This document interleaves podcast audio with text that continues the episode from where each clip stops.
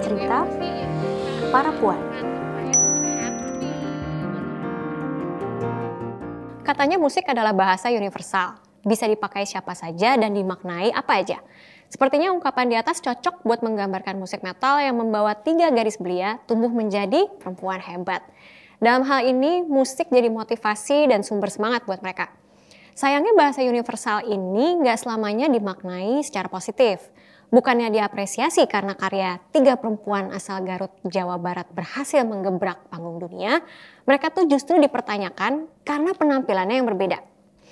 Ternyata kiprah perempuan sekarang masih belum cukup bisa mengalihkan pandangan orang dari penampilannya. Seolah-olah mereka berhak mengomentari dan menentukan apa yang harus perempuan pakai. Padahal, tubuh perempuan bukan milik umum, seperti salah satu lirik dalam lagu narasumber kita kali ini, Voice of Baceprot atau VOB. VOB adalah band metal yang digawangi oleh tiga perempuan muda, Marsha, Widi, dan Siti. Gak cuman karena formasi band metal yang berbeda, lagu-lagu yang syarat akan makna juga jadi alasan VOB banyak digemari. Seperti lagu terbaru mereka yang berjudul Not Public Property, menceritakan kegelisahan VOB tentang maraknya kasus kekerasan seksual terhadap perempuan. Lantas, seperti apa perjalanan karya bermusik VOB? Seperti apa saja rintangan yang berhasil mereka atasi untuk sampai di titik sekarang? Langsung aja kita sapa tim VOB. Halo, apa kabar teman-teman VOB?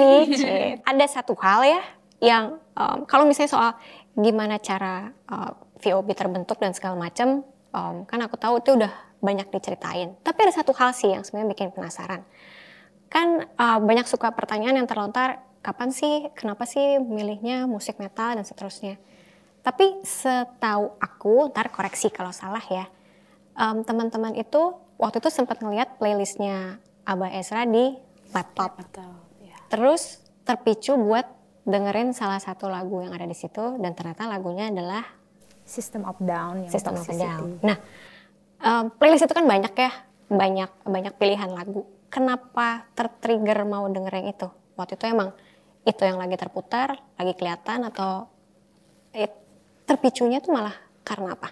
Waktu itu banyak banyak banget sih lagu tapi Iya, iya, iya. pas denger lagu Linkin Park sama System of Down itu yang paling nempel aja sih. Jadi kita tuh kayak aduh kita cover yuk kayaknya enak banget nih lagu gitu. Ternyata kata si Abah boleh juga pilihan kalian gitu.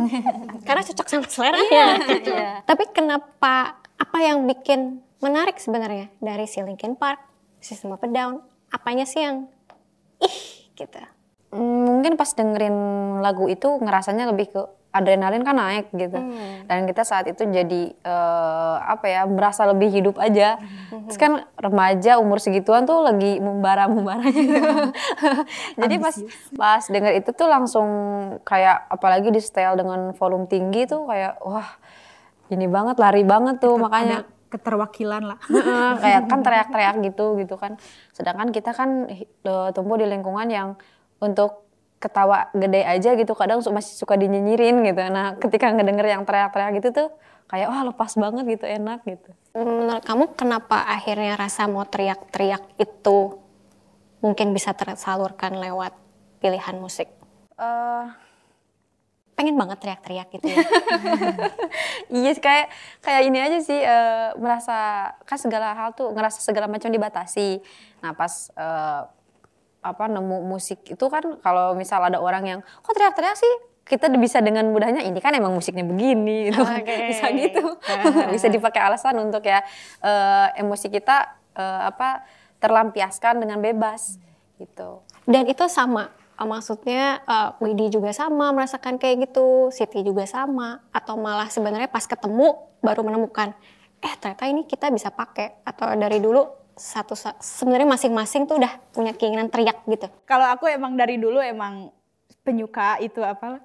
Kemer- bukan kemu- bukan kemerdekaan. kebebasan Kebebasan. Kebebasan. itu maksudnya.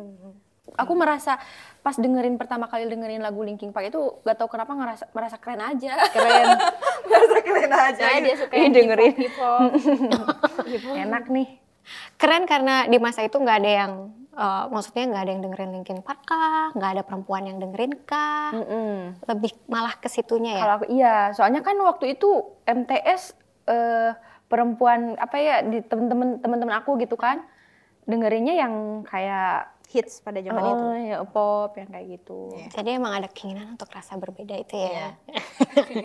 nah, kalau misalnya Siti sendiri, waktu itu apa yang bikin kamu akhirnya bertekad, kayak aku mau ngulik eh, lagu ini deh.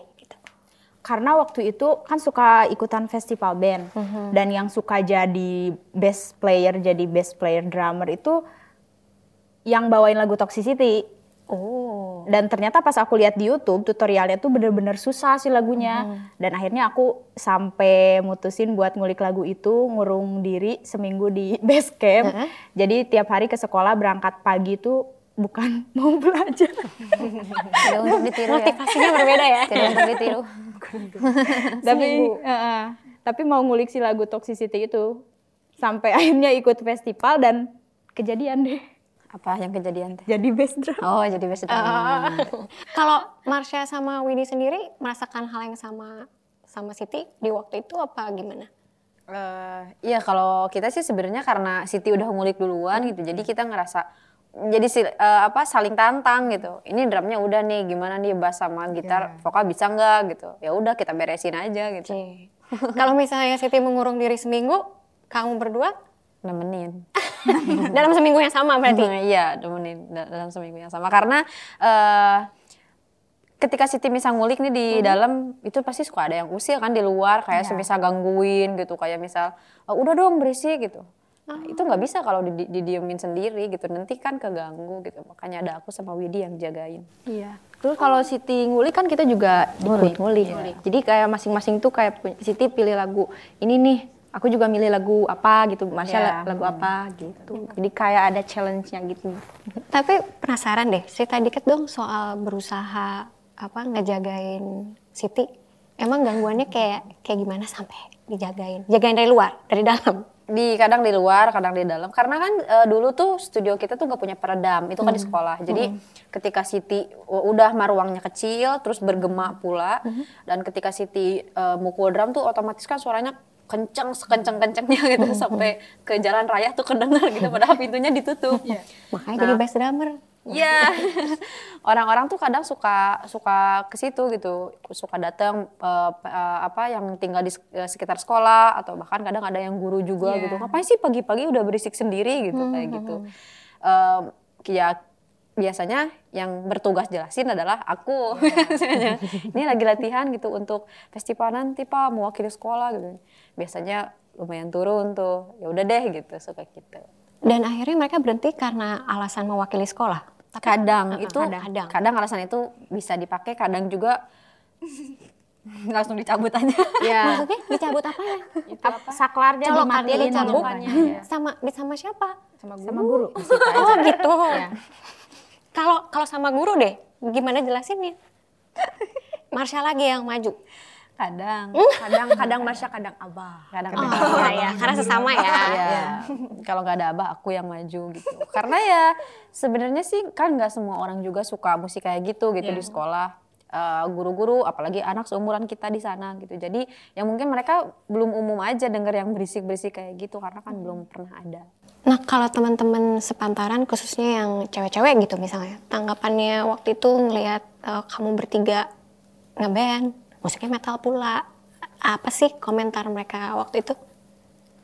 Banyak yang ngefans juga sih. Oh, Jadi mereka suka apresiasi, tapi kadang mereka suka nanya kamu tuh sebenarnya nyanyiin lagu apa sih? Gitu. iya sih bi- ya lebih bingung ke ini lagunya baru denger nih Iya. gitu bahkan ada yang bilang ini lagunya lagu kesurupan gitu iya karena karena kan teriak-teriak gitu kan Kalau yang cowok-cowok lebih banyak yang mendukung atau malah ada yang merasa "Hmm, kalau dia ini gue juga aku juga mau mm, ngeband yang sama gitu. yang mendukung ada cuman mungkin kalau cowok tuh lebih ke gengsi ya Ah. lebih ke ya kan eh, maksudnya di di sana kan belum belum umum gitu perempuan main band Mhm. Eh, jadi stigmanya ya masih cocoknya untuk laki-laki gitu Mhm. nah jadi mungkin tapi mereka kan ah, ini, ini juga kadang suka nanya itu gimana dok itu mainnya gimana sih gitu suka gitu-gitu Malah minta diajarin balik ya. Iya. kadang ada yang di kelas yang gitu kalau tanggapan keluarga sendiri, Kalau aku sih awalnya nggak dapet izin tuh dari kakak perempuan. oh oke. Ya jadi waktu itu kakak aku bilang kalau musisi ke sananya mau jadi apa. Mhm.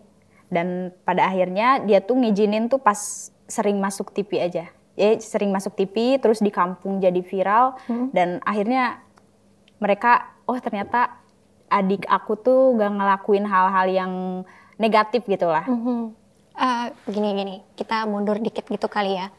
Apa yang menurut kamu sampai kakak kamu bilang kemungkinan melakukan hal-hal yang negatif? Emang menurut dia apa sih yang sampai memicu kakakmu berpikir gitu? Hmm, Musik yang dibawainnya kah? Pergi dari pagi-pagi pulangnya mungkin sore atau ada hal lain? Karena mungkin di sana musik metal tuh belum umum gitu. Jadi pengetahuan di kampung kalau musik musik metal pasti pergaulannya juga bebas gitu. Oke. Dan ya itu yang pergi pagi pulang sore bawa alat musik. Jadi kelihatannya kayak pengangguran gitu. Jadi suka dimarahin, apaan sih kamu mau jadi apa ke sananya gitu. Dan sampai akhirnya muncul di TV itu berarti berapa lama sesudah kamu mulai? Hmm, 2018. Kita mulai itu 2014. Yes. Masuk TV itu 2017. Berarti rada lama ya? Iya. Tiga tahun baru akhirnya dia Ya. perjuangan yang luar biasa. Kalau Marsha gimana tanggapan keluarganya? Eh, keluarga aku sangat menolak. sangat eh, keluarga aku sebenarnya lebih ke untuk hal-hal lain yang aku lakuin tuh apatis. Tam- nah, tapi untuk eh, urusan musik ini mereka keras menolak gitu karena pertama lingkungan eh, aku bisa dibilang kental dengan agamanya gitu. Jadi eh, orang tua tuh lebih ke eh, bingung aja jelasin ke orang-orang yang nanti nanya gitu. Kayak misal aku pulang bawa gitar gitu, terus eh, pulang sekolah yang tidak bareng sama nggak bareng sama yang lain gitu kan. Kalau aku yang lain kan jam 12 sudah pulang, aku jam 3 baru pulang karena latihan dulu gitu. Terus hari libur kadang masih ke sekolah.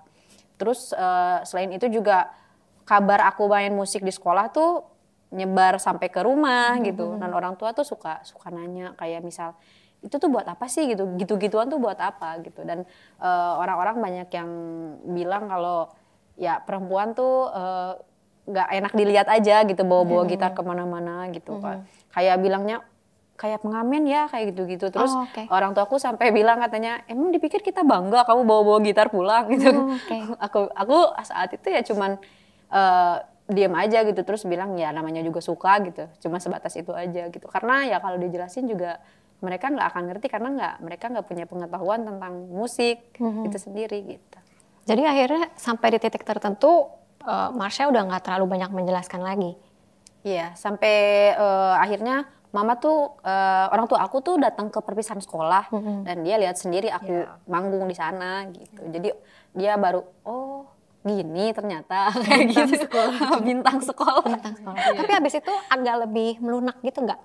Atau masih tetap Masih tetap sih, cuman ya ke nggak sekeras nggak ini nggak sekeras sebelum sebelumnya ya gitu. hmm, pengalamannya eh, Widi berbeda mungkin?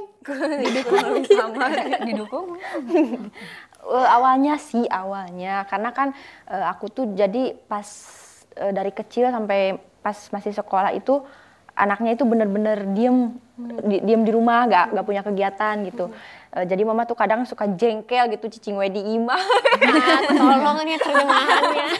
duduk duduk terus di rumah kan nggak main gitu keluar nggak main kayak anak-anak pada umumnya yang suka main lah sama teman nah aku tuh nggak nah semenjak pas gabung VOB eh, aku tuh merasa beruntung karena alhamdulillah ada ke ada apa sih kayak komunitas yang mau nerima aku gitu.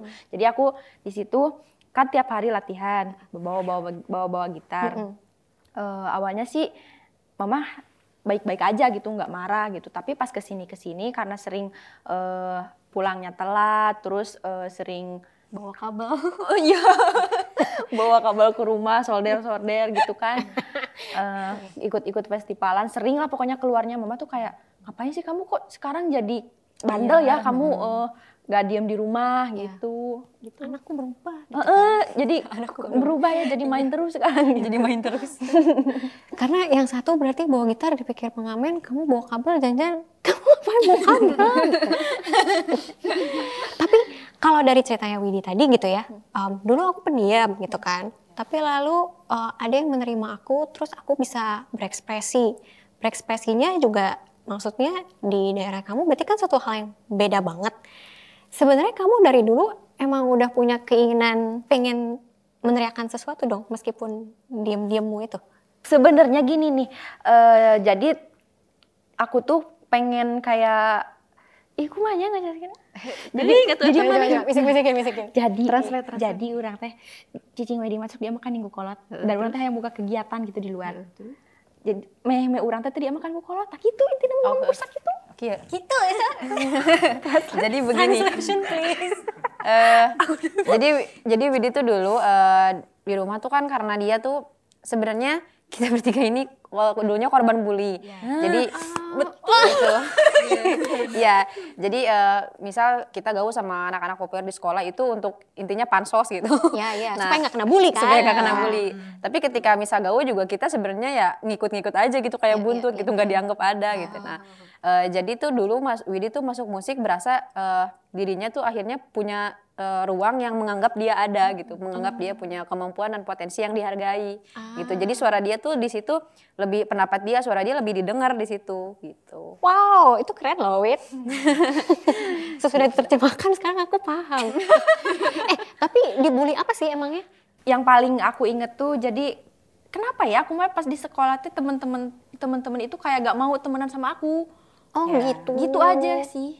Kayak gak mau, aku juga nggak tahu sih kenapa. Terus karena Kayak secara disingkirkan gitu.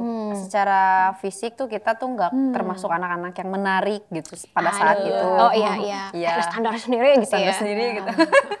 Apalagi kan dulu waktu di sekolah itu kadang eh, suka kalau misalnya ada dulu itu marching band. Ya, Oh, Di iya. sekolah itu Itu kan yang ada top gitu ya? eskul eh, yang paling iya. top itu marching band kan biar bisa main di alun-alun gitu. Oh, Terus aku bener. ikutan, tapi ternyata ya nggak nggak Nggak kepake, nggak kepa- kepilih. nggak kepilih. Terus eh, banyak bukan apa sih kayak seliweran seliweran seliweran seliweran ih seliweran seliweran kalau yang dipilih itu yang harus yang cantik misalnya yang menarik yang gitu. enak, di, enak dilihat. Ah, Enak dilihat. Padahal band orangnya banyak. Ya. Belum tentu semua kelihatan juga. Kekecoh juga kalau iya. Jadi bersyukur ya, berarti emang bener akhirnya saling menemukan satu sama lain. Bertiga lagi bukan marching band, jelas kelihatan dong Widi. Dan ternyata akhirnya lebih membanggakan dong ya. nah, kalau misalnya em, soal genrenya sendiri gitu ya, eh, kan tadi dari orang tua ya susah-susah. Ya aku nggak mau bilang susah-susah gampang ya, emang susah tuh ya, dapat dapat approvalnya. Tapi yang bikin kekeh banget gitu ya, udah deh eh, mau tetep deh itu sebenarnya apa sih? Karena nggak mudah kan? Nggak sama sekali nggak mudah ngelawan orang tua padahal aduh aku maunya ya ini. Yang bikin nggak nyerah di saat itu apalagi ya dan tetap nggak deh udah terusin aja mau diomongin kayak mau tunggu sampai 2017 2018 baru kakakmu oh itu apa sih? Datang dari mana tuh? Semangat terusnya. Eh, mungkin kalau semangat terusnya tuh datang dari karena kita ngerasa kalau kebahagiaan kita tuh ada di musik itu gitu. Jadi ketika kita bisa main musik, kita ngerasa bahwa diri kita tuh kayak berharga banget ya gitu. Terus kayak kita mainin apa aja, eh, kita- orang-orang tuh nggak eh, khususnya yang di musik itu nggak nggak ngejudge kita. Kal- Kalau misalkan di lingkungan kita tuh kayak kita misal eh, duduk agak buka aja kakinya gitu langsung dikritik gitu segala macam. Kalau di musik kan eh, orang-orangnya lebih santai gitu. Terus orang-orang tuh nggak mikirin hal-hal kayak gitu yang sepele kayak gitu gitu. Kita kan eh, setelah belajar musik sering ikut festival dan ketemu orang-orang yang juga suka sama musik dan kita ngerasa oh ternyata tuh dun- dunia tuh bisa seluas ini ya gitu. Padahal kita cuma di Garut-Garut doang gitu, tapi udah ngerasa bahwa dunia luas. Iya, iya, iya. gitu. Terus kayak ini aja ngerasa kalau kenapa sih orang-orang tuh terutama orang tua saat itu kenapa sekeras itu gitu eh, nggak ngizinin kita padahal kita ngerasa nggak ada yang salah dengan apa yang kita lakuin gitu dan eh, selama itu yang kita terima alasan mereka melarang itu sangat nggak bisa nggak nggak terlalu masuk akal gitu. Kayak misal semacam cuma sebatas nggak cocok atau misal karena omongan orang lain gitu cuma sebatas itu aja gitu. Makanya kita pengen buktiin ke mereka. Hmm. Nah, em, tadi kan Marsha bilang bahwa akhirnya pas keluar baru akhirnya em, oh ternyata orang-orang menerima kok kayak Iya. gitu gitu ya. Pas akhirnya kamu udah keluar yang tadi eh, kamu bilang itu ya, kamu ngelihat stigma masyarakat terhadap eh perempuan tuh harus dibatesin. Yang ini tuh emang boleh, tapi yang ini jangan. Yang ini nggak baik buat kamu, nggak cocok. Cocok dari mana? Gitu ya. tapi pas udah di luar, kamu ngeliat fenomena kayak gitu, menurutmu gimana? Ini boleh siapa aja yang jawab, satu-satu juga nggak apa-apa. Hmm, pas udah keluar dari daerah kita, kita ngerasanya sih tetap uh, sempat kita sempat berekspektasi tinggi gitu kalau misal kita sempat mikirnya gini, kalau keluar dari daerah kita pasti orang-orang tuh lebih terbuka gitu, Ya. semua Mm-mm. gitu semua. Mm-mm. Kita nggak mikir kalau ternyata tetap ada aja yang kayak Mm. gitu gitu, bahkan ada yang lebih parah. Dan kita nggak sempat ngerasa eh, prihatin juga sih gitu, apalagi sampai eh, ada yang kita di kampung orang-orang kayak gitu paling ya ngomongnya di belakang di Oke. belakang kita gitu atau misal eh, ya kita dari mulut ke mulut lah sampai ke kitanya gitu Mm-mm. pas keluar ya kita diomongin depan muka gitu. Dan langsung ya. langsung gitu langsung yang deg gitu ke hati. Dan kita karena di eh, kampung dididik untuk nggak boleh eh, apa kasar sama orang gitu nggak boleh menyakiti orang gitu. Jadi kita nggak enakan gitu mau jawab aduh ini takut nanti dia sakit hati. Gitu. Padahal kita sendiri juga sakit hati. Ya gitu. Ya, kalau akhirnya sekarang VOB itu perjalanan karirnya udah bukan cuman main di panggung di dalam gitu ya di dalam negeri, tapi akhirnya udah ke panggung internasional. Em, menurutmu ngelihat, nah ini kan jadinya agak lebih luas lagi ya. Tadi Garut, terus keluar, ya mungkin lebih Jakarta dan sekitarnya gitu ya. Tapi terus sekarang udah internasional. Eh, cara pandangnya ada yang berubahkah? Em, ternyata di luar masih sama juga kah? Apa gimana? fenomena kayak gitu tuh terus berulang gitu kita nyaksinya gitu sih. Dan itu eh, hampir terjadi di semua bukan cuman yang kayak di musik aja tapi di semua sektor gitu. Bukan cuman ke- kayak kita kita gini. Tapi kemudian kita mikir kalau ketika hal-hal kayak gitu terjadi eh, kita juga menemukan orang-orang yang satu ini sama kita gitu. Satu pandangan sama kita gitu. Jadi kalau kalau dulu kan kita kayak ngelawan mereka tuh sendiri gitu. Ngerasa sendiri. Nah kalau sekarang tuh kita kayak punya temen nih untuk ngelawan kayak hal-hal kayak gitu gitu. Karena ternyata banyak juga orang-orang yang tu- punya tujuan sama pengen eh, menciptakan lingkungan yang lebih baik gitu dan melawan pandangan-pandangan dan stigma-stigma kayak gitu. Hmm. Sebenarnya em, kalau ekspektasinya sendiri ya, ekspektasi bukan di keluarga mungkin ya, tapi di daerah lingkungan di tempatnya waktu itu di Garut. Sebenarnya ekspektasi orang tuh kalau buat anak perempuan kayak gimana sih? Karena eh, apa namanya kawan puan yang dengerin eh, mungkin tempat tinggalnya mungkin hanya di Jakarta, hanya di Bandung, yang nggak kebayang gitu loh. Ternyata ada tempat-tempat lain yang perempuan itu ekspektasinya sampai segininya loh gitu. karena di sana mungkin ekonomi rendah jadi akhirnya eh, jalan yang paling mudah dianggap paling mudah untuk memperbaiki perekonomian keluarga adalah menikahkan anak perempuan gitu jadi kan kalau misal kita mau merantau pasti di kayak perempuan tuh nggak baik jauh-jauh Mm-mm. kayak gitu jadi ya pilihannya ya menikah untuk peringankan Menikahnya di usia berapa sih? di bawah 20 Diharapkannya di bawah 20. 20. Jadi lulus SMA lah, SMA, S- SMP sih udah. Udah, SMP udah, udah ideal. Udah.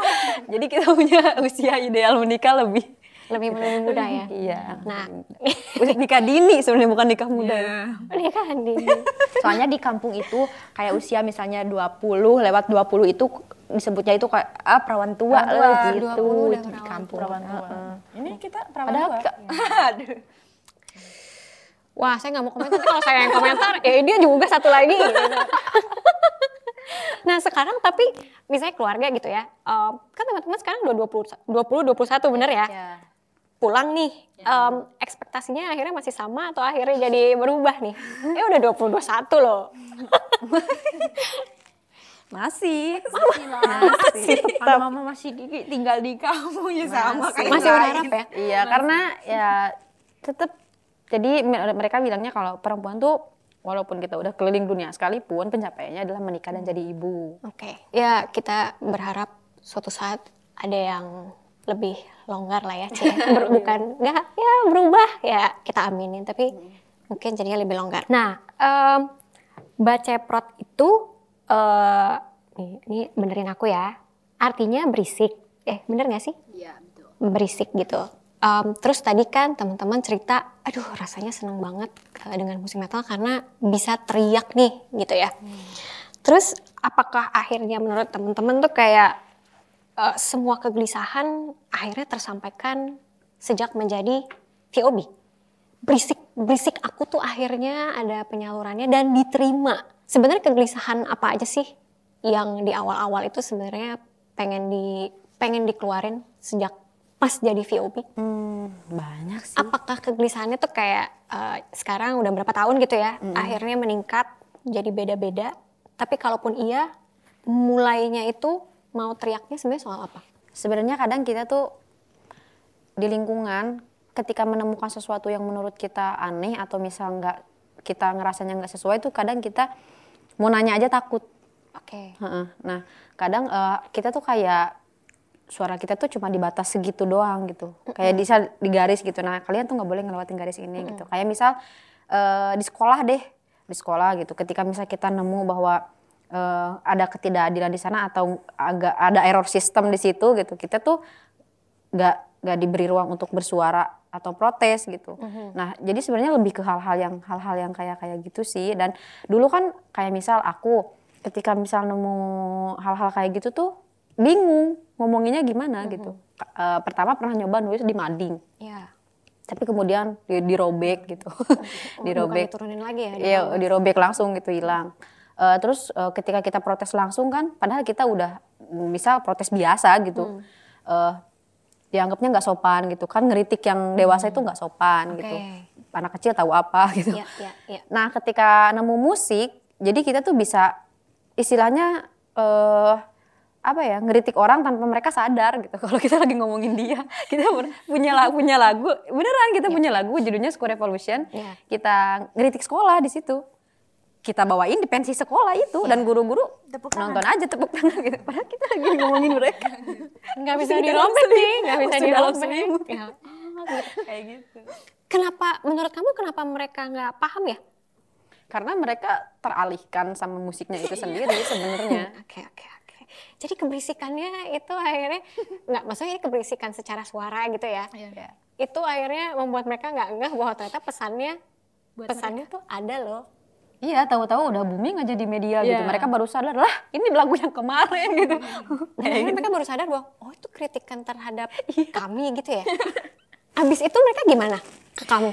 ya udah gak akur habis itu. Nggak nggak nggak saling sapa. Ini apa sih maksudnya saling sapa cuman ya begitu. Kadang kita kalau ketemu eh, masih suka di disebut kacang lupa kulit gitu Oh. atau disindir kayak gitu. Sama guru atau sama teman-teman sekolah dulu? Sama guru. sama guru pernah pernah terus sama teman-teman sekolah juga ada beberapa lah Hmm. Eh gimana tuh?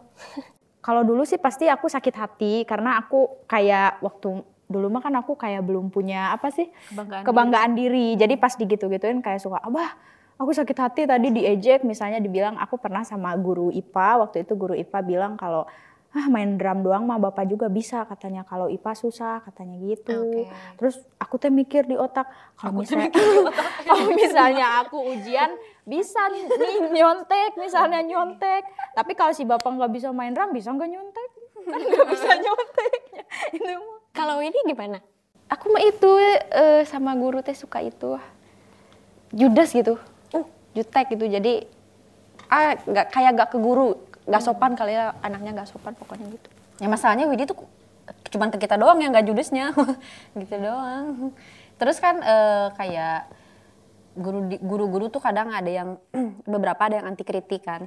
Oh. Hmm, seperti itu. Jadi nah eh, sedangkan kan orang-orang kayak gitu ketika misal ini eh sakit hati pertaruhannya nilai di sekolah gitu. Kita udah udah eh, kita udah kenyang diancam gak naik kelas. naik percobaan. Nggak naik kelas gitu atau misal di DO nih, di DO gitu. Oh, udah kenyang kita diancam kayak gitu. Nah itu kalau soal sekolah dan sistem sekolah. Ya. Nah kalau misalnya soal urusan eh, main musik metal dan berhijab, ada ceritanya lagi nih pasti.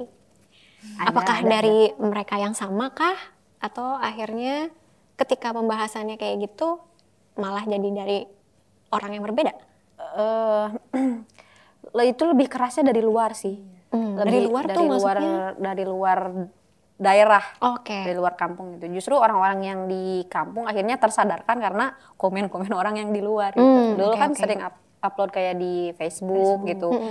Dan kita tuh awalnya nggak nggak mempe- nggak memperhitungkan itu sebagai sesuatu yang akan diomongin gitu. Oke. Jadi kita main musik ya main musik aja gitu. Dan kalaupun kita nggak main musik kita nggak tetap pakai hijab gitu. Eh, dan ketika orang-orang ter- ternyata fokus orang malah ke situ, kita sempat shock juga, sempat kaget gitu loh. Kok jadi ke situ sih? Kok jadi malah di komen tuh hijabnya semua gitu. Dan kita kan berteman sama beberapa orang di Facebook yang tinggal di daerah yang sama gitu. Dan mereka akhirnya tersadarkan dari situ justru. Oh iya ya, kok bisa ini main musik pakai hijab? Nah, situlah mulai bertambah lah mendekat itu hujatannya. Jadi malah akhirnya eh, maksudnya kalau teman-teman VOB sendiri akhirnya malah ngeh sejak mulai dipermasalahkan sebelumnya merasa seharusnya nggak ada problem nih gitu. Iya, biasa aja dari situ. Dapat dukungan nggak tapi dari tadi kan kita ngebahas soal orang-orang yang ngomongin gitu ya. Tapi ketika ketemu masalah-masalah kayak gitu eh, dukungannya datang dari siapa? Dari Abah. Dari Abah. Terus dari musisi-musisi lokal di sana yang kita temuin ketika kita festivalan gitu. Em, mereka selalu ngomongin kalau kita saat itu memang belum bagus main musiknya, tapi kita punya potensi untuk bagus gitu, untuk besar di kemudian hari. Dan kita selalu selalu apa ya nyimpan kata-kata itu tuh di pikiran dan hati kita gitu kalau kita pasti bakal bagus dan kita punya potensi untuk besar. Hmm. Kalau dukungan dari perempuan deh, kalau yang tadi Marsha cerita, apakah itu dari musisi laki-laki atau dari musisi perempuan juga? perempuan juga karena memang ada eh, beberapa yang perempuan dan bahkan ada yang minjemin kostum kalau kita Oh gitu. eh kita bisa kita bisa manggung nih di luar di luar daerah gitu harus keren dong ini mau bawa nama Garut nih gitu. Masa pakai kaos oblong doang gitu? Ya udah minjem ini sepatu boot deh gitu. Pinjemin sepatu sepatu, boot baju, make up, make up. Kalau misalnya soal campaign yang sekarang deh, uh, no, no public property yang nyambung sama lagunya juga. Um, kan udah banyak juga ya video-video gitu kan dari teman-teman uh, sesama perempuan gitu. Um, rasanya gimana tuh? Terima lebih banyak support dari perempuan? Terharu sih terharu gitu apalagi eh, kayak bisa dilihat di Instagramnya itu kan Public Property banyak perempuan-perempuan yang dukung tuh bukan orang-orang yang gini lah gitu sembarangan gitu perempuan-perempuan yang eh, udah menunjukkan dirinya punya dia berdaya gitu dan segala macam Eh, dan kita nggak nyangka bakal bakal bisa Segede- sebesar itu sebesar gitu. itu. Iya, jadi dulu di daerah perempuan tuh justru saling pandang sebagai kompetitor. Mm-mm. Nah, pas ketika misal kita ke hijrah ke tempat yang lebih besar seperti Jakarta, ternyata di sini bisa saling dukung gitu, bisa lebih luas gitu. Jadi ya kita mikir kalau oh ternyata kita nggak sendiri ya gini-ginian tuh gitu. Kompetitornya emang apa sih kalau dulu? Berkompetisinya soal apa sih? eh dari segi di, ya, ya dari segi apa pun sih. Jadi tapi kalau di kampung tuh eh, di daerah yang pasti karena mereka nggak punya ke- kepengetahuan tentang pemberdayaan perempuan segala macam, jadi eh, menganggap bahwa apa pun yang dilakukan perempuan ya itu untuk menarik perhatian lawan jenis, gitu. Jadi misal bermusik, wah ini caper doang nih, gitu. Oh, Bisa ada perempuan yang suka dance, ah ini caper doang nih gitu kayak gitu-gitu gitu. Jadi eh, dan itu lebih sakitnya datang dari perempuan, sendiri. gitu. Mungkin karena mereka berpikir mereka mau berkompetisi kan. Iya. Jadi mungkin akhirnya kayak gitu-gituannya terjadi gitu. Em, kalau misalnya tadi eh, Widi Marsha masih cerita seneng nih dapat dukungan gitu ya, not public property sendiri. Em, kenapa membawa isu soal itu sih? Eh, Melihat apakah sebenarnya sih untuk lagu untuk lagu sendiri Not Public Property ini awalnya berangkat dari keprihatinan kita ngelihat eh, perempuan terutama mereka yang jadi korban kekerasan gitu. Jadi eh, di balik eh, di apa di tengah trauma dan ketakutan mereka masih banyak yang nyalahin tubuh, nyalahin pakaian gitu dan segala macam. Dan kebetulan kita bertiga juga adalah penyintas. Dan kita ngerasain banget gitu ketakutan itu. Dan eh, dari situ kita sadar bahwa oh ternyata di kita cara perempuan berpakaian, tubuh mereka tampil di publik itu sering kali masih menjadi urusan masyarakat gitu. Jadi perempuan tuh bukan seakan bukan pemilik tubuhnya sendiri. Nah dari situ eh, kita mikir kalau ini kayaknya akan lebih eh, lepas kalau kita sampaikan lewat lagu gitu. Karena Siti sendiri deh, Siti tuh tiap hari cerita ke aku dia mengalami eh, apa pelecehan di Instagram, Oke. di Facebook kayak gitu komen-komen yang gak senonoh kayak gitu gitu dan dari situ sih berangkatnya. Coba Siti cerita deh, emang komennya seperti apa sih? Silakan. Eh, kayak mereka tuh udah berani kayak kirim DM kamu tuh sekarang udah jadi artis internasional katanya. Kamu harus di Widi sama Widi sama Marsha badannya udah bagus katanya. Tinggal kamu. Bisa-bisanya mereka membandingkan satu sama lain ya. emang yang bikin sakit tuh itu membandingkan satu sama lain. Widi sama Marsha udah bagus. Tinggal kamu katanya terus aku bikin story lagi nge-gym dia balas katanya kamu bagus udah nge-gym iya abis itu nge- nge-gym dua jam abis itu bang bakso dua mangkok aku balas aja gitu jangan bikin dia kesel aja Tapi lebih, lebih- bisa aja kayak gitu ya. Tapi lebih ke kayak gitu atau ada lagi apa selalu kalau kamu kenanya soal itu lagi, iya soal emang itu lagi. body swimming sih kak aku. Body swimming. Body shaming. Body shaming aku biasa bercandain itu jadi kebiasa Eh, kalau misalnya Widi deh, ada yang didapat juga nggak sih DM DM model kayak gitu atau malah tipenya beda?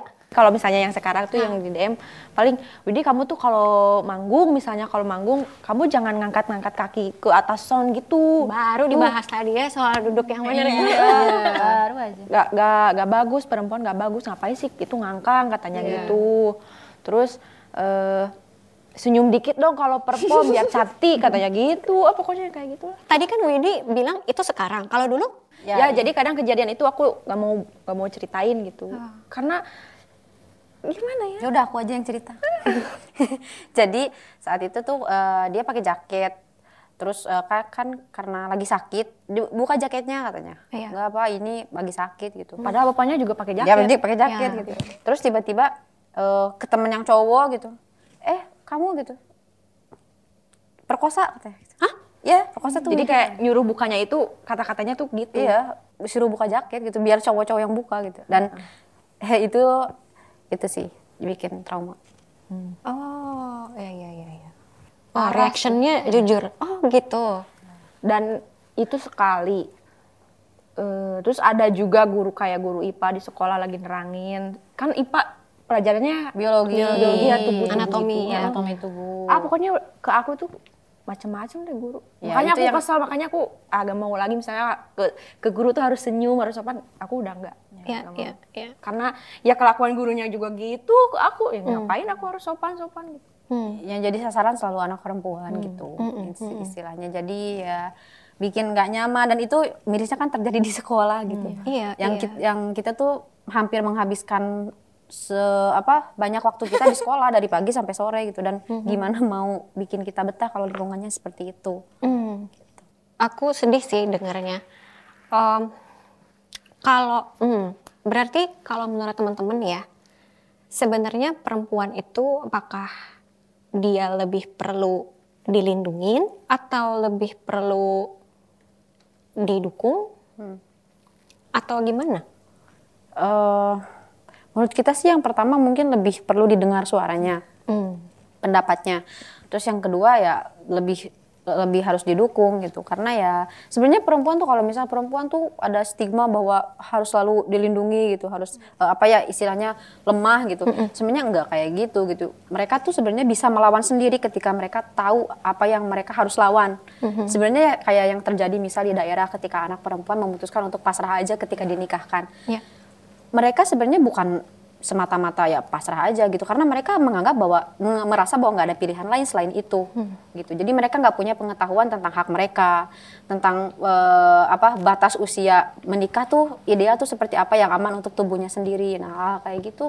Karena kan kalau yang kayak di pelosok gitu kita mengalami keterbatasan akses terhadap informasi dan ilmu pengetahuan. Gitu ketika itu udah mereka udah kena atau udah sampai eh, udah punya akses ke situ sebenarnya eh, mereka bisa melindungi diri mereka sendiri. Ada yang suka DM nggak sih yang emang eh, penyintas gitu? Ke akunnya VOB atau ke masing-masing? ke aku sering ya. Oh gitu, cerita atau gimana? Eh, cerita. Terus yang kedua kadang ada yang em, ngobrol kalau ini aku kena pelecehan aku harus ke mana? Gitu kayak misal bantuan hukum dan segala macam kan mereka nggak tahu gitu mesti ke mana dulu nih gitu. Kalau misal dilaporin aku mes- mesti mempersiapkan apa gitu. Eh, makanya itu itu itu dia yang akhirnya bikin kita ke ide untuk ya udah kita bikin aja gerakan not public property gitu. Karena ya em, para korban kekerasan tuh kadang ya masih nggak tahu harus apa yang dilakukan terlebih dahulu gitu. Kadang mereka untuk sekedar berbagi ceritanya aja mereka takut gitu malu merasa bahwa itu adalah aib gitu yang harus ditutupi banget gitu. Dan kita eh, berharapnya dengan kita bikin not, eh, akun not public property ini mereka bisa share atau ceritanya ke sana atau mereka bisa mungkin bertanya ini aku harus ke mana dulu di sana? gitu. Sebenarnya apa yang teman-teman lakukan itu sekarang dengan kesuksesan yang sekarang, syukurnya malah jadi berkah buat perempuan lain ya. Karena iya nggak sih, cie itu menurut aku ya. Maksudnya karena em, akhirnya orang-orang kan kenal VOB, tahu lagu-lagunya gitu ya, tahu kiprahnya kayak gimana, dan tahu bahwa akhirnya eh eh, aku bisa berbagi dan nyanyi nih. Karena apa pesannya mereka nyambung banget sama aku gitu.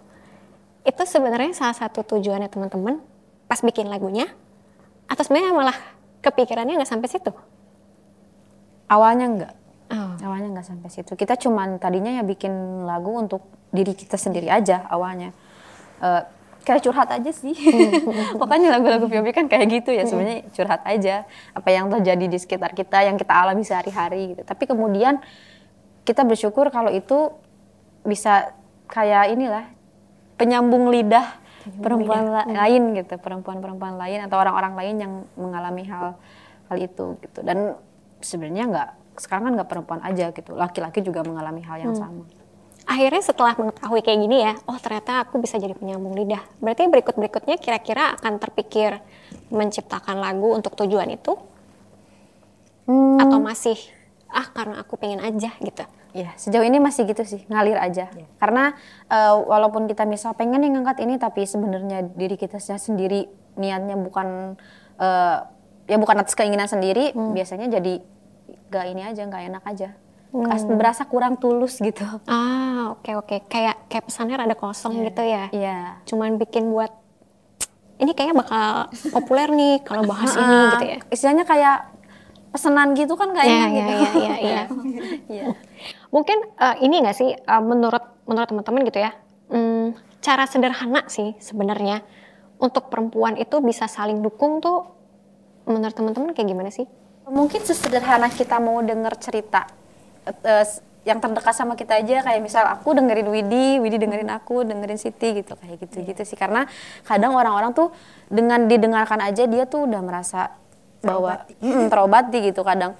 Eh, karena ada orang-orang yang kayak misal Siti atau Widi ya mereka sebenarnya cuma butuh didengarkan gitu. Ketika misal orang-orang eh, kalau yang belum kenal kan pasti mikirnya ah, pasti butuh motivasi apa gitu ya enggak sebenarnya cukup didengar didengarkan aja mereka merasa bahwa "Ah, udah nih udah keluar itu udah segitu dong itu itu udah sangat mudah gitu. nggak nggak perlu nggak perlu effort apa-apa sesederhana itu Oke, siap main? Udah pegang foto-foto lucunya? Sudah. Udah, oke. Ini namanya games keakrapan.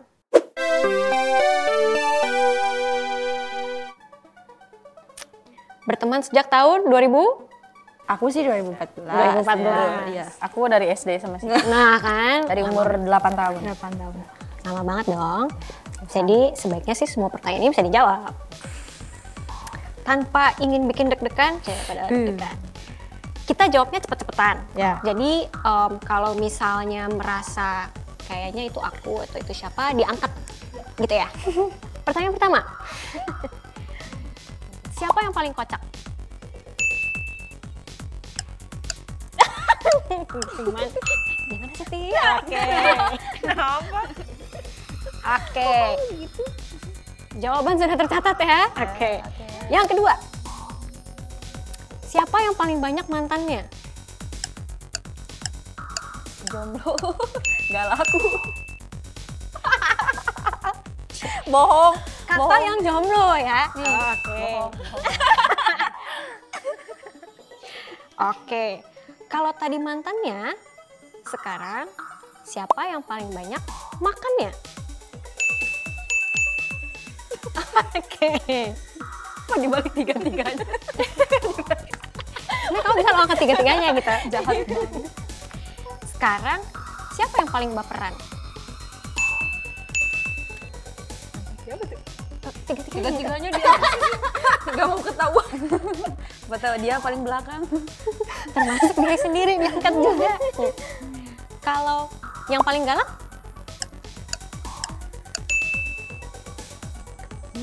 Dua. Gini-gini, biar, biar waktunya kelihatan. Coba yang katanya paling judes, ngangkatnya foto siapa? Oh, Bisa-bisa. iya. Bisa-bisa ya. bisa banget ya. Ayo Mas ya. Kalau yang paling sering gonta-ganti gebetan? Kayaknya aku suka dia. Eh, enggak nih. Artis juga nggak apa-apa kayaknya.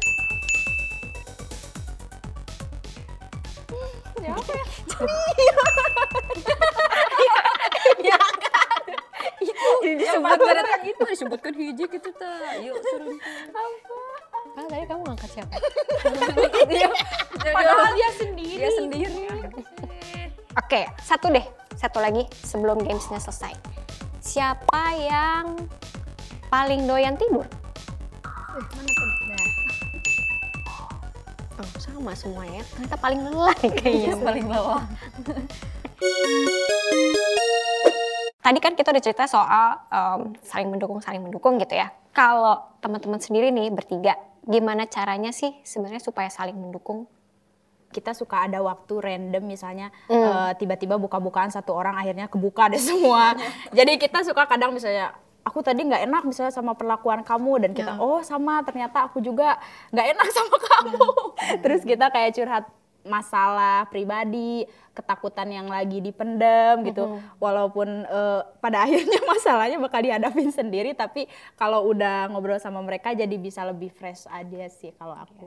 Eh, sebenarnya pernah deg-degan gak sih kalau misalnya lagi, misalnya gitu ya, lagi sebel-sebelan nih, ada sebel-sebelan. Maksudnya dalam sebuah band, sebel-sebelan itu kadang terjadi gitu kan. Ya. Temenan aja terjadi. Iya. Kadang suka menahan diri gitu gak sih? Karena satu band, tinggalnya bareng. Atau udah saking percayanya nih sekarang udah ngomong langsung aja. Masih suka sih. Masih Oh, suka masih. Diam-diaman. diam-diaman. Cuman nanti kalau udah nggak tahan biasanya meledak. Iya bener. Ya gitu. Meledaknya langsung colek gitu atau kayak masih tetap bertahap gitu? Bertahap, sih biasanya. Karena eh, sebenarnya kita juga walaupun kita misal udah udah bareng nih lama gitu, tapi tetap kita belum tahu misal ada batasan-batasan tertentu, misal Siti ada batasan-batasannya tertentu gitu. Yang kita tuh mungkin aja walaupun kita deket, ya itu tetap nggak boleh dilewatin gitu. Hmm. Kayak gitu. Boleh tahu nggak sih contoh batasan tuh misalnya kayak gimana? Kayak misal aku Beda, beda itu. ke Siti sama ke Widi tuh beda. Beda, iya. Cara negurku sa- ke Siti ke Widi tuh beda. Oh. Eh, kalau ke Siti tuh aku bisa kamu nggak boleh ya gitu begitu bisa langsung to the point gitu. Kalau ke Widi aku harus lebih smooth gitu. Karena ya sebenarnya ada eh, di di antara aku sama Siti dan aku sama Widi tuh ada sesuatu yang ada yang sama ada yang beda gitu. Kalau Siti tuh aku sama Siti tuh s- apa ya sisi belak belakannya tuh sama. Kalau ke Widi aku ya lebih eh, ngomong secara istilahnya jangan pakai urat gitu. Ah, oke. Paling lama diem-dieman berapa lama? Kalau sekarang, sekarang, sekarang nggak sih, nggak sampai paling sehari dua hari. Itu juga udah paling lama banget itu sehari dua hari. Ya, paling nonton TV atau nonton film sambil makan mie juga baikan lagi. Dimasakin cinta. Karena gak ada lagi temen. Nggak ada lagi temen. Karena cuma bertiga ya. Nggak ada pilihan lain. tapi kadang aku juga suka perang sih sama dia, tapi kadang aku kalau uh, udah gede-gede pengen ngomong WA aja gitu. Padahal misalnya satu satu kursi nih. Padahal gini doang. Iya. Gue gak enak sama lo gitu. Gue gak enak sama lo. Keluar jaksel. Apaan nih? Sebelah-sebelahan. Jadi kalau udah kesel keluarnya gue lo. Kasar Sunda sih. di, di, cuma ditranslate ke bahasa Indonesia. Itu pernah terjadi eh, belakangan ini? WhatsApp sekursi tadi. Eh, Untung sekarang nggak pegang handphone ya? Iya ber ini sih kadang kadang sepele banget. Kadang misal kayak di tempat latihan BT-nya ke siapa marah-marahnya ke seisi rumah gitu. Kalau atau kalau misalnya makanya aku selalu kalau interview kayak gini duduk di tengah gitu. Karena kalau misal mereka ini berdua gitu eh, kayak gini sebelahan gitu pasti ketawa-ketawa gitu apa gitu. Ya pokoknya ngaco deh gitu. Jadi kan kamu mesti kayak, hey, tenang, ya tenang. nah gitu. Biasanya kalau kayak gitu nanti abisnya aku yang ngomel-ngomel gitu makanya di- selalu dipisahkan Oh, Widya pas itu udah terbiasa berarti ya? Memang membutuhkan Marsha seperti itu ya? Iya. Emang sengaja kadang kita bikin masalah ya biar rame. Gak sepi-sepi amat. Kebayang kan? Tapi kamu tahu bahwa mereka suka mencari masalah? Membuat-buat. kadang ya kalau misal masalahnya kayak gitu sih masih ya masih di, di internal gitu istilahnya nggak apa-apa gitu ini paling sebel udah mencari masalah sama netizen coba ceritain dulu itu. kayak misal eh, sengaja nih gitu eh, bikin story apa gitu misal yang yang apa yang mengundang dihujat gitu Kamu ngelirik-ngelirik. Nggak bi- Iya, udah, karena punya punya ini, udah sadar gitu. diri. Punya ini gitu. Nah nanti terus dia misal eh, ada upload apa gitu di apa ada yang DM dibully gitu kan, otomatis kan jadi ribut tuh yang lain gitu. Nah nanti saya beresin ya gitu. kan dengan ringannya gitu, saya beresin ya. Gitu. Wah itu Iya, satu. Kamu yang balas aja. Bener gitu. Eh, beneran? Dikasih handphonenya. Balasin dikasih, dong. dibalasin dong katanya DM. Tapi rasanya hidupmu tuh ringan banget berarti. Iya aman. Aku nggak punya beban hidup sih. Padahal bohong. Oke. Ini persahabatan San berarti seru banget ya. ada yang menengahi, ada yang Menjolimi. ini. Ada yang suka membuat permainan-permainan seru buat Marsha. Iya. Ada yang bisa tanpa beban. Eh, ada nggak sih yang akhirnya teman-teman belajar gitu ya dari diri sendiri melihat persahabatan sehari-hari gitu akhirnya yang kayak oh ternyata dari persahabatan ini aku jadi paham kalau aku tuh ternyata begini oh ternyata aku tuh sebagai sahabat harus begini ada nggak sih akhirnya yang dipelajari Marsha ini perlu kita hibur loh Iya. Siti Hibur. Apa aku harus gitaran?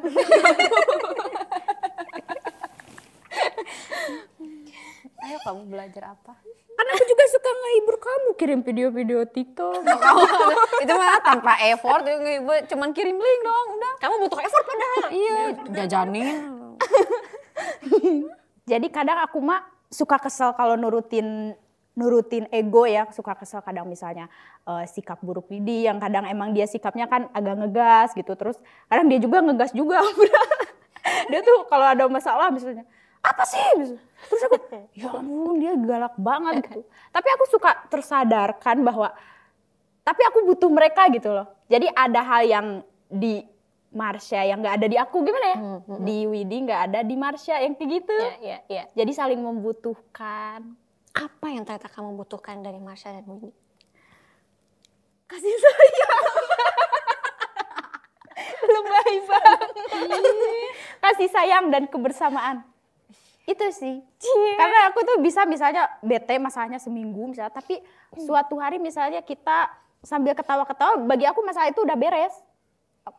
Nggak suka di lama-lamain lah, aku nggak nggak nyaman bikin masalah lama. Ah, to the point. Itu makanya dia merasa lebih lepas. karena mending kamu. belak-belakan. Jadi mending mereka bilang, gue nggak suka misalnya. Sama gue tadi. gue yang Iya aku bisa, aku nggak suka sama kamu. Oh, jaksel. Itu sih. Nah kalau Windy dulu deh. Widih. Karena aku nggak punya kakak, jadi aku benar-benar ngerasa eh nggak punya saudara perempuan gitu. Jadi aku ngerasa mereka tuh benar-benar saudara aku yang bisa mengerti, eh, terus bisa mendengarkan segala keluh kesah aku, bahkan hal-hal eh, nanti sak sekonyol-konyol apa pun gitu yang aku mau ceritain. Eh, apa ya ngomongnya? Aduh maaf aku gak bisa nahan. Gak apa-apa. Rasanya bisa ditambah satu lagi bahwa teman-teman tuh bisa membantu kamu menyuarakan. ya pokoknya mereka mah apa ya? Pokoknya pokoknya Kak, sampai gini jangan sampai mereka itu diculik. Aku nggak mau mereka diculik. Eh, jadi Konyol banget. jadi kalau mereka diculik mereka, mereka bakal tahu aib-aib aku semua. Jadi saking merekanya tahu aku bener-bener tahu aku. Gitulah mau liur lah. Gimana? Pokoknya berdua nggak bisa hilang aja ya. Jangan hilang. Iya. Kalau aku, aku malah pengen menghilang sebenarnya. Tapi enggak sih. jangan jangan menghilang lah. Tapi enggak sih mereka emang itu begitu. Mereka tuh penting banget buat aku. Begitu tuh gimana sih? ya maksudnya mereka emang kadang nyebelin gitu. Cuman ya aku belajar ya kayak dari sakit yang sekarang gitu. Ya sebelah ini kan aku susah ya terbatas gitu. Ah, iya. Tapi karena ada mereka gitu, misal Siti yang iketin tali sepatu gitu, Widi yang iketin rambut, yang misal bantu eh, bantu makan segala macam. Mungkin kalau nggak ada mereka ya aku gimana pakai kaki. pakai kaki.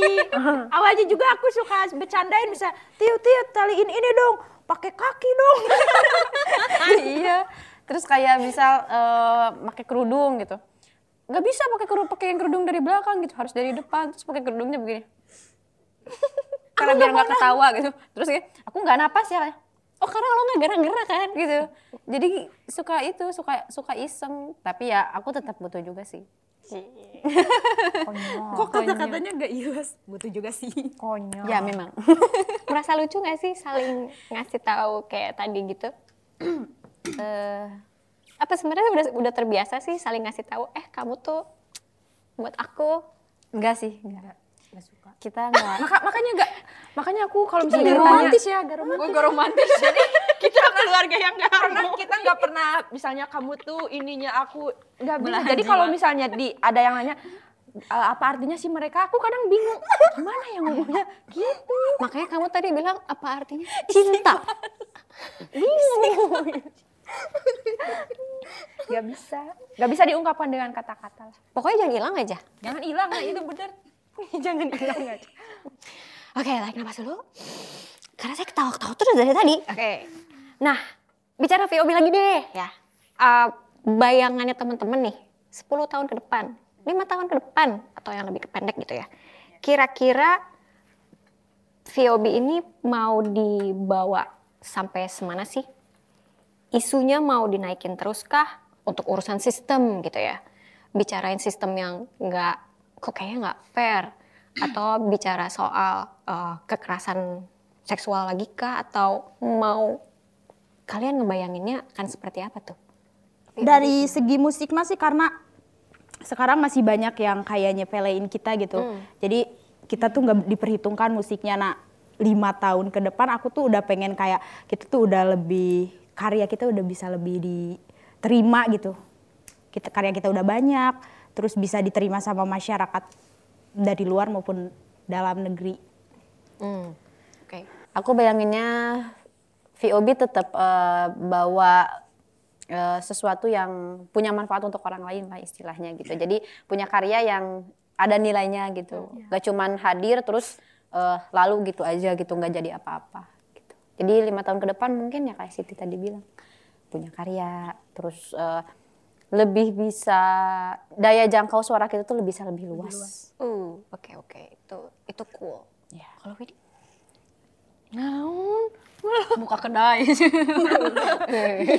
Kedai VOB.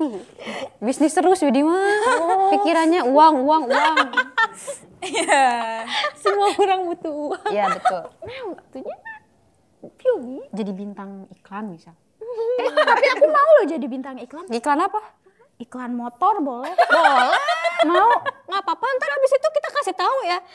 Motornya mau trail. Iya, betul. Nggak ada yang nggak boleh. Motor udah. Ada iklan-iklan lain mungkin?